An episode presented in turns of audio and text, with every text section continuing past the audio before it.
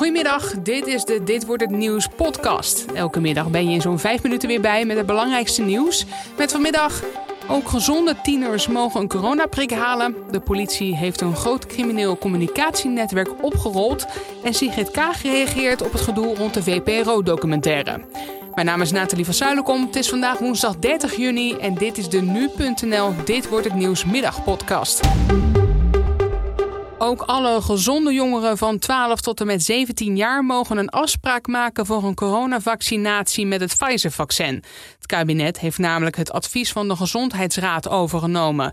Het is de bedoeling dat alle jongeren voor het begin van het nieuwe schooljaar hun eerste prik krijgen. Daarmee worden zij ook beschermd tegen het virus, maar er is meer. Naast die directe gezondheidswinst is er ook indirecte gezondheidswinst. Namelijk mhm. jongeren die misschien niet onder dat virus heel erg lijden, lijden in ieder geval onder de maatregelen tegen dat virus. Dat hebben we natuurlijk onder heel veel jongeren. En ook die winst wil je boeken met vaccinatie. Vrijdag zijn de oudste jongeren aan de beurt voor het maken van de afspraak. Iedereen uit 2004 kan vanaf 10 uur contact opnemen. De politie heeft een groot crimineel communicatienetwerk opgerold. Deze criminele VPN-dienst is uit de lucht gehaald bij een internationale actie. Een VPN zorgt voor een beveiligde verbinding. De dienst werd gebruikt door ransomware-verspreiders en phishing-fraudeurs. Nederland werkte samen met Europol. De ombudsman van de NPO onderzoekt de omstreden Sigrid Kaag-documentaire. Gisteravond werd bekend dat D66 zich toch bemoeid heeft met die VPRO-docu, terwijl het kabinet dat eerder ontkende. Sigrid Kaag zelf zei tegen RTL dat zij in ieder geval niks van die bemoeienis met de inhoud te maken heeft, maar het gebeurde wel. Aan het einde willen we graag even meekijken of er nog dingen zijn die vertrouwelijk zijn of bijvoorbeeld ongelukkig. Ik denk dat de meeste mensen dat zullen herkennen.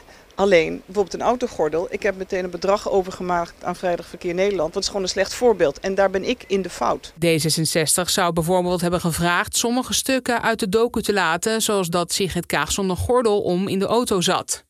De veiligheidsregio Zuid-Limburg schat tussen de 150 en 200 meldingen te hebben gekregen vanwege het noodweer dat gisteravond voor veel overlast zorgde in de regio. Deze man had ook zijn handen vol aan al dat water. Ja, het is erg als andere keren, ja. En volgens mij gaat het ook vaker voorkomen dit hier.